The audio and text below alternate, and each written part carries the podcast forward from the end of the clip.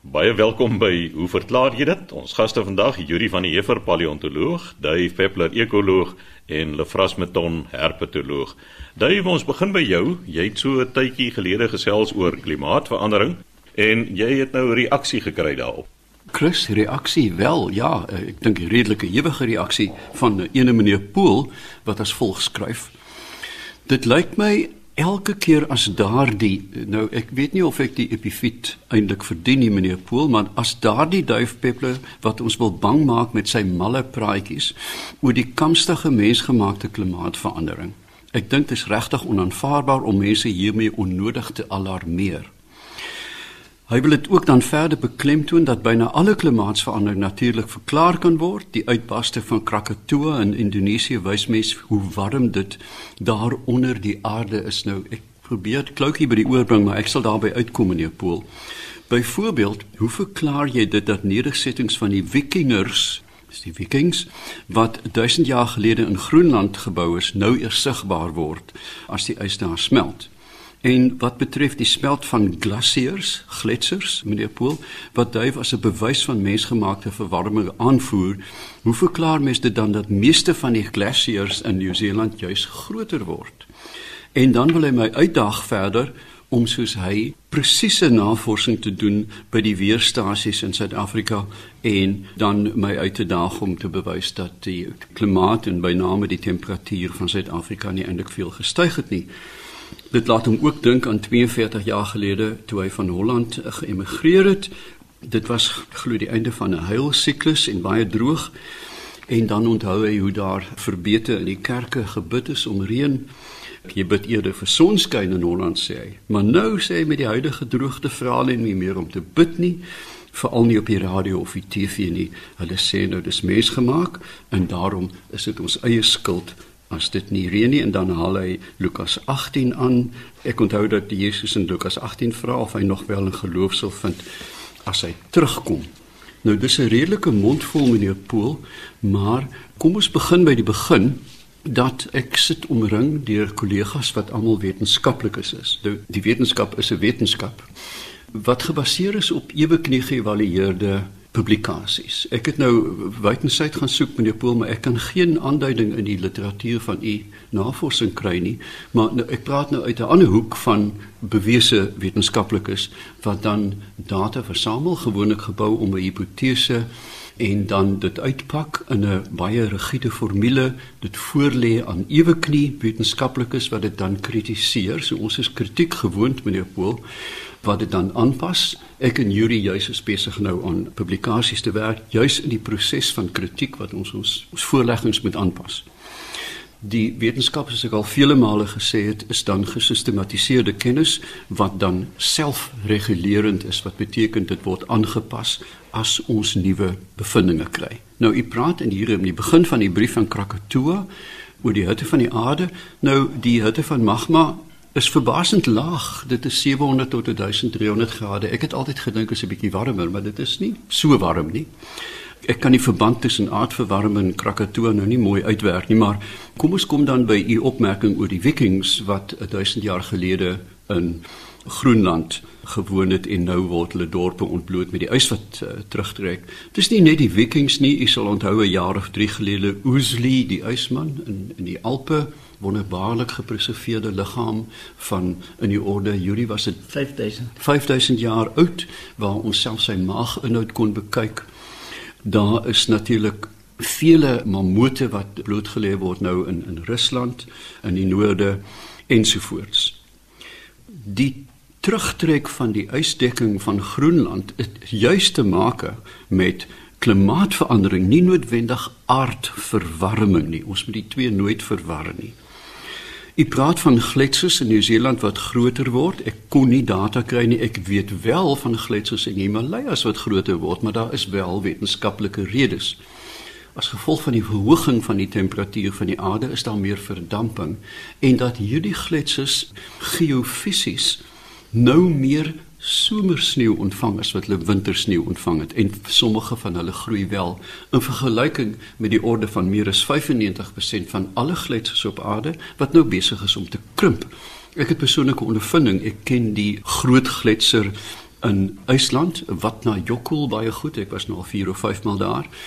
Nou, dit is in die orde van 8000 vierkante kilometer ys wat op 500 meter diep is. Dit is ontsaglike hoeveelhede ys. En in die tyd wat ek dit besoek oor die afgelope 10 jaar, het hierdie gletser nou in die orde van omtrent 4 km alreeds teruggetrek. En IJsland het magtige rekords wat teruggaan vir meer as 1000 jaar en hierdie versnelling het sedert 1950 gekom. Hoe weet ons? Kom ons herbesoek net weer eens finaal hoe ons dit weet. Kom ons beskou die laaste 650 000 jaar waarvoor ons baie akkurate CO2 metings het. U vra hoe is dit moontlik?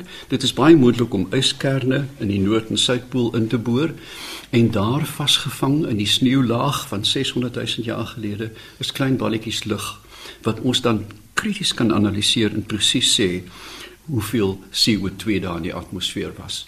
Vir die afgelope 650 000 jaar was daar in die orde van 300 dele per miljoen. Ons kan dit pragtig die grafieke loop lieflik. In hierdie tydperk tot vandag was daar sewe glasiale siklusse waar gletsers uitgebrei het en weer ingekrimp het. Maar van 1950 was die keerpunt het die CO2 vlakke as gevolg van mensgemaakte effekte die hoogte ingeskiet na meer as 450 dele per miljoen. Ek het in 'n vorige program presies verduidelik hoe dit gebeur of hoe dit gemeet word althans in Hawaii deesdae. Ons weet dat daar is geen ander verklaring as die mensgemaakte gebruik van koolwaterstowwe wat die afgelope jare sedert 1950 hierdie magtige piek in CO2 verander het. In hierdie tydperk het die globale temperatuur 0,9 grade Celsius gestyg.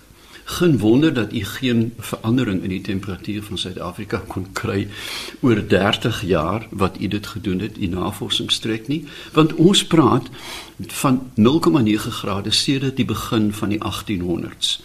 U dink dit is onbeduidend, dit is nie onbeduidend nie in terme van die grootste sink waar temperatuur opgeneem word is die water van die oseane, die boonste 700 meter daarvan. Nou in hierdie selfde tydperk het dit 0,4 grade Celsius gestyg sedert 1970. Gevolglik praat ons van globale effekte. Ons praat van die ysvelde van beide die noord en die suidpool wat gemiddeld 280 miljoen ton ys per jaar verloor. Ons kan dit akkuraat meet, meneer Pool, want ons het nou akkurate satelliete wat dag en nag hierdie gebiede aftas met groot akkuraatheid tot 5 meter akkuraatheid. Ons weet ook dat die smelt van arktiese ys verdriedubbel het sedert 1970. Die gletsers wat terugtrek, wat na Jokkel wat ek van gepraat het, krimp in die orde van 500 meter per jaar. Daar is minder sneeu reg oor die wêreld, weer eens satelliete. Oseaanstyging 20 cm oor 100 jaar. Dit klink onbeduidend meneer Pool, maar dit is magtige verskille op 'n globale skaal. Meneer Pool, ek glo dat bogenoemde bewese getuienis en nou sal oortuig dat ons nou in die antroposeen lewe. Ons lewe nou in 'n nuwe epok van die aarde waar die vorige was ystydperke en uitwissings deur meteoriete, maar nou lewe ons in die uitwissingsperiode van die mens.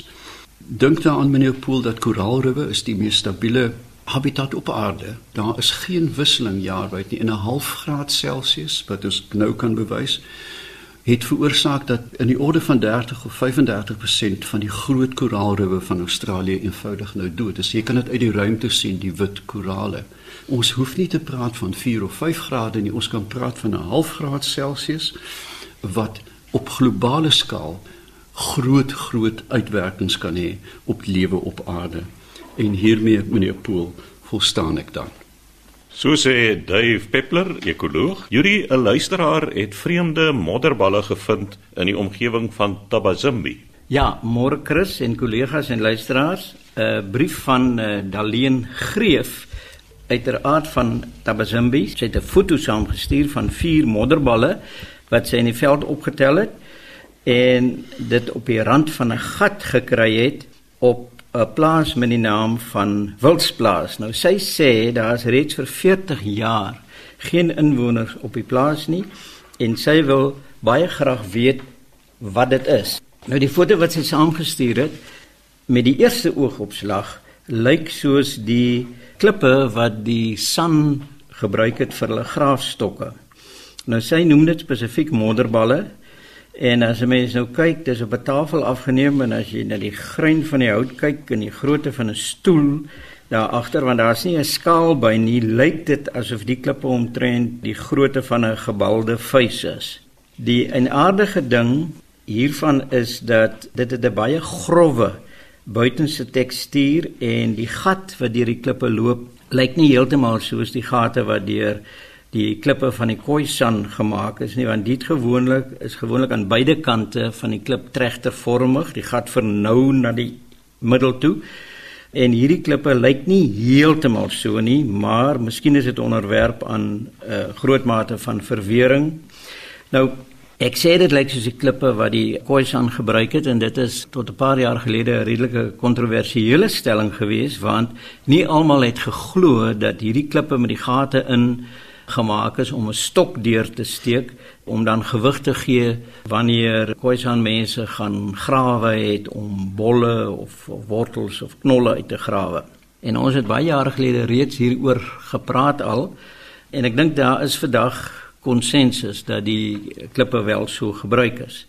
Nou um, ek het 'n skrywer raakgeloop van Mike Wilson, hy was 'n argeoloog destyds by die Suid-Afrikaanse Museum, hy was 'n kollega van my. En hy noem in sy skrywes om nou 'n bietjie agtergrond te gee vir die goed dat in Maart 1812 het die reisiger William Burchell in die omgewing van Hopetown het hy mense teëgekom waarskynlik Khoisan wat uh, stokke gehad het van omtrent 1.5 meter lank en die stok is bevestig in so 'n graafklip ronde klip met hierdie koniese gate van elke kant deurgebore en dan 'n wig ingeslaan om dit te laat vassit. Nou die klippe verskil baie in grootte. 'n Vriend van my by Woester het 'n versameling gehad en van die klippies is sommige baie baie klein, miskien 5 cm in deursnee. Waarvoor hulle gebruik is, weet niemand nie of dit speelgoed vir kinders was of dit pogings was om klippe te boor, weet ek nie. Maar daar is fotografiese bewys van jy moet onthou dat in uh, daai jare toe die eerste fotografiese beelde gemaak is was William Herschel was die uh, sterrekundige hier in die Kaap en hy het onmiddellik hierdie storie van fotografie aangegryp en begin fotos neem. So uit daardie tyd uit is daar fotografiese bewys van sanmense wat met hierdie stokke grawe in die grond met die klippe daaraan vas. Nou verder dink ek nie was dit 'n uh, aktiwiteit wat beperk was net tot Suid-Afrika nie want 'n uh, ander argeoloog Nick van der Merwe, hy was jare lank by uh, Universiteit Kaapstad die argeoloog gewees. Hy het op 'n stadium genoem dat hy in Ethiopië het hy so 'n graafstok gesien en die was omtrent 1.5 meter lank, maar die stok self het 'n deursnit van omtrent 50 mm gehad. So dit was 'n stewige stok geweest met 'n klip daaraan bevestig van wat hy gereken het omtrent 5 kg. En die voorpunt van die stok was beslaan met yster of beklee met yster. Nou die vraag kan sekerlik ontstaan as 'n mens yster kan verwerk. Hoekom sou jy 'n houtstok gebruik om gate mee te grawe? Hoekom grawe jy nie met 'n stuk yster nie? Nou dit is moontlik dat yster nie baie bekombaar gewees het nie, dat dit 'n klein hoeveelhede was dat jy dit net voor aan 'n stok moes gesit het. Nou, dis ook interessant dat as 'n mens kyk na die embleem van die uh, argeologiese vereniging van Suid-Afrika se joernaal, so 'n populêre tydskrif eintlik by name The Digging Stick, dan is deel van die kenteken van hulle is so 'n graafstok met 'n klip aan, maar dit is die Suid-Afrikaanse weergawe want die voorpunt daarvan is beklee met die skede van 'n uh, wildsbok se horing want ons weet dat destyds voor die koms van die uh, Europeërs het die sanmense nie metaal gehad om te verwerk nie. So die graafstok het nou 'n horingpunt vooraan en om verder nou 'n bietjie agtergrond te gee, Nik van der Merwe se oupa het by Graafrie net geboer en sy ma was 'n jong meisie op die plaas en sy het gereeld saam met 'n sandame veld toe gegaan wat so graasstok gebruik het met die klip om nou wortels en bolle uit te grawe. So ek dink teen hierdie tyd is daar genoeg ondersteuning vir die feit dat van die groter klippe is wel gebruik as gewigte aan stokke. Maar 'n ander kerel het in 1985 het hy in the digging stick gerapporteer. Ek uh, ken hom nie persoonlik nie, DL Mill nie. Het 'n bydrae gelewer en hy rapporteer dat hy sulke klippe destyds in Israel raakgeloop het in 'n museum. En van alle dinge is dit gebruik as gewigte vir 'n weefstoel. En hy het 'n prentjie saamgestuur en die klippe lyk baie soos die klippe wat die sanmense aan hulle graafstokke gebruik het. Nou die weef van materiaal en linne het waarskynlik in China ontstaan, maar in ou Egipte is daar heelwat geweef en linne uitgevoer en dit sou baie maklik in Israel aangekom het. En sy foto van die oerweefstoel toon dat van die drade wanneer mens weef, die talle drade moet mos nou styf gehou word en met 'n sekere hoek tot mekaar sodat jy nou daai torpedootjie met die draad aan heen en weer kan gooi. So jy het gewigte nodig om dit te doen. En blykbaar in Israel in antieke tye is klippe gebruik wat gate deurgeboor is om hierdie drade van die weefstoel dan styf te hou. Interessant genoeg merk hy ook op dat hy 'n soortgelyke stelsel, en dis nou 1985, gesien het in gebruik deur die Sotos wanneer hulle hulle rietmatte weef. Maar teen daai jare het hulle as gewigte het hulle reeds al plastiek koeldrankbottels gebruik wat met sand gevul is. So daar's geen aanduiding of hulle self van hierdie soort klippe gebruik gemaak het. Dus Daleen die modderballe wat jy die foto van gestuur het, lyk inderdaad soos gewigte vir graafstokke Die enigste ding wat my pla is dat hulle baie verweer lyk, so ek het geen manier om te bepaal of dit werklik uit modder bestaan al dan nie. Yuri baie dankie vir jou interessante verduideliking. Hierdie na my mening is duidelik die neste van miskruiers. Sou mens kyk vir die foto sal jy die vesel van die gras daarom en die mis daarom nog in die gaatjie sien. Ek gaan nou my kop op 'n blok sit, maar hierdie is duidelik die eierhouers van hmm. van groot miskruiers. So sê Judy van die Heever en Dave Peppler. Volgende aan die beurt, Lefras Meton. Lefras, uh, luisteraar in Johannesburg, het 'n waterfokuspunt in die tuin en daar is nou 'n padda wat vreemde geluide maak. Inderdaad, Chris, Tom en Frankie Besseling van Johannesburg, Fairland Johannesburg het vir ons so 'n klankopname gestuur van die vreemde padda in sy tuin. En ja, ek was opgewonde toe ek dit nou kry want dit is nou 'n ideale geleentheid om bietjie te gesels oor sekere paddas wat hulle advertensie roepe en hulle aggressie roepe kombineer in een roep. Maar kom ons gee net gou so 'n bietjie agtergrond. Ons weet dat alle padda spesies of die meeste van hulle die mannetjies roep in die paartyd of kwak en dit dien dan nou as 'n aanlokmiddel vir die wyfies na hulle toe.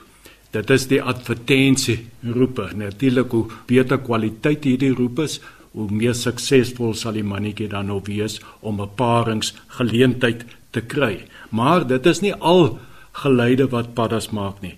Die mannetjies ook het wat ons noem in Engels 'n uh, aggressive call, 'n territoriale roep wat hulle maak om te spasieer en om ander mannetjies weg van hulle te hou. So as 'n mannetjie nou te naby aan sy plek kom en uh, ignoreer hierdie territoriale roep, dan kan dit nou natuurlik nou lei tot 'n geveg. Ons weet dat die mannetjie paddas het 'n spesiale plek daar langs die waterdam of rivier waar hy elke aand dan nou kom sit en roep en hulle verdedig daardie plekke. So ons kry dan nou 'n territoriale roep ook. Dan is daar nog twee ander geluide wat paddas maak. Kom ons noem dit nou maar die laat los roep, die release call. Dit is wanneer 'n mannetjie per ongeluk 'n ander mannetjie probeer bykom en dan sal een mannetjie nou daardie laat los my roep gee en ook wyfies as amplexus nou verby is, dan sal hulle ook daardie roep gee.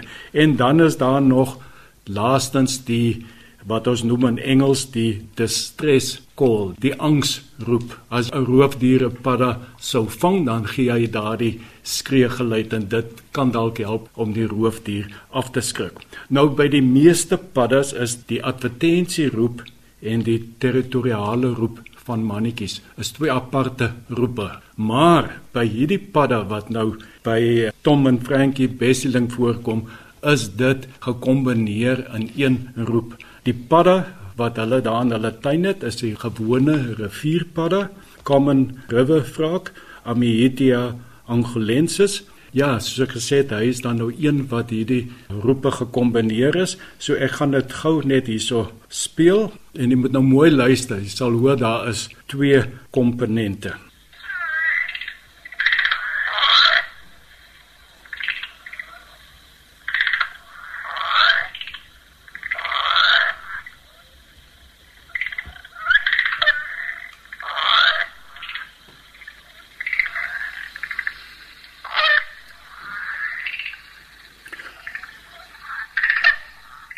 So daar's hierdie klikgeluid en dan is daar daai diep gromgeluid. So is twee komponente en hoekom dit nou in een roep gegee word want ek dink uit 'n energetiese oogpunt is dit enige vermorsing van energie om nou elke keer deur die hele repertoire te gaan. By ander paddas is dit net een of die ander een. So, hoe kan mens nou toets of bepaal watter van daardie komponente is nou die advertensie gedeelte en watter deel is die aggressie gedeelte. Jy kan doeteenvoudige opname maak soos wat Tom en Frankie gedoen het en dan kan jy die een komponent uithaal uit die opname en dit dan nou speel oor 'n luidspreker. En 'n wyfie padda sal van daardie selfde spesies sal aangelok word deur die advertensie roep en dit is werklik in die veld al baie baie keer getoets. As jy daardie roepe skree dan kom jy wyfie tot teen die luidspreker gereed om te paar met die luidspreker. Natuurlik as jy net die aggressie deel sou speel dan gaan die wyfies nie daarop reageer nie. Wyfies is dan ook net sekere tyd van die jaar is hulle sensitief vir hierdie advertensieroepe van die mannetjie. Dit is maar tydens die broeiseisoen en hulle moet natuurlik ook gereed wees vir amplexus. Met ander woorde, die eiertjies moet reg wees om bevrug te word. Dan dit is in die gehoorstelsel gesetel. Dit is alwaaroor dit gaan. Dit gaan nie oor hoe groot die padda is of hoe mooi gekleed hy is. Hulle luister na die klanke en in daardie klank van die padda kry hulle natuurlik baie inligting oor die kwaliteit van die padda. Nou so gekwakery kan natuurlik nou baie predatore lok en dit is energeties dier, so daar's allerlei baie interessante verskynsels as daar baie paddas om 'n dam is dan is die kompetisie nou baie groot, dan maak die mannetjies baie meer komplekse roepe want hulle moet nou bietjie uitstaan bo die kompeteerders. As daar min paddas is, hier is enetjie en daar ver is ene, dan is die roepe minder kompleks. En dit dien dan natuurlik om energie te spaar en ook om die predatore bietjie weg te hou. So om af te sluit, Tom en Frankie, dit is voorwaar een van die interessante paddas in Suid-Afrika deurdat hulle die mannetjies beide die advertensieroepe en die aggressieroepe kombineer in een roep. So sê hulle Fras Meton, herpetoloog, skryf gerus aan ons by hoe verklaar jy dit? Posbus 2551 Kaapstad 8000 of stuur 'n e-pos aan chris@rsg.co.za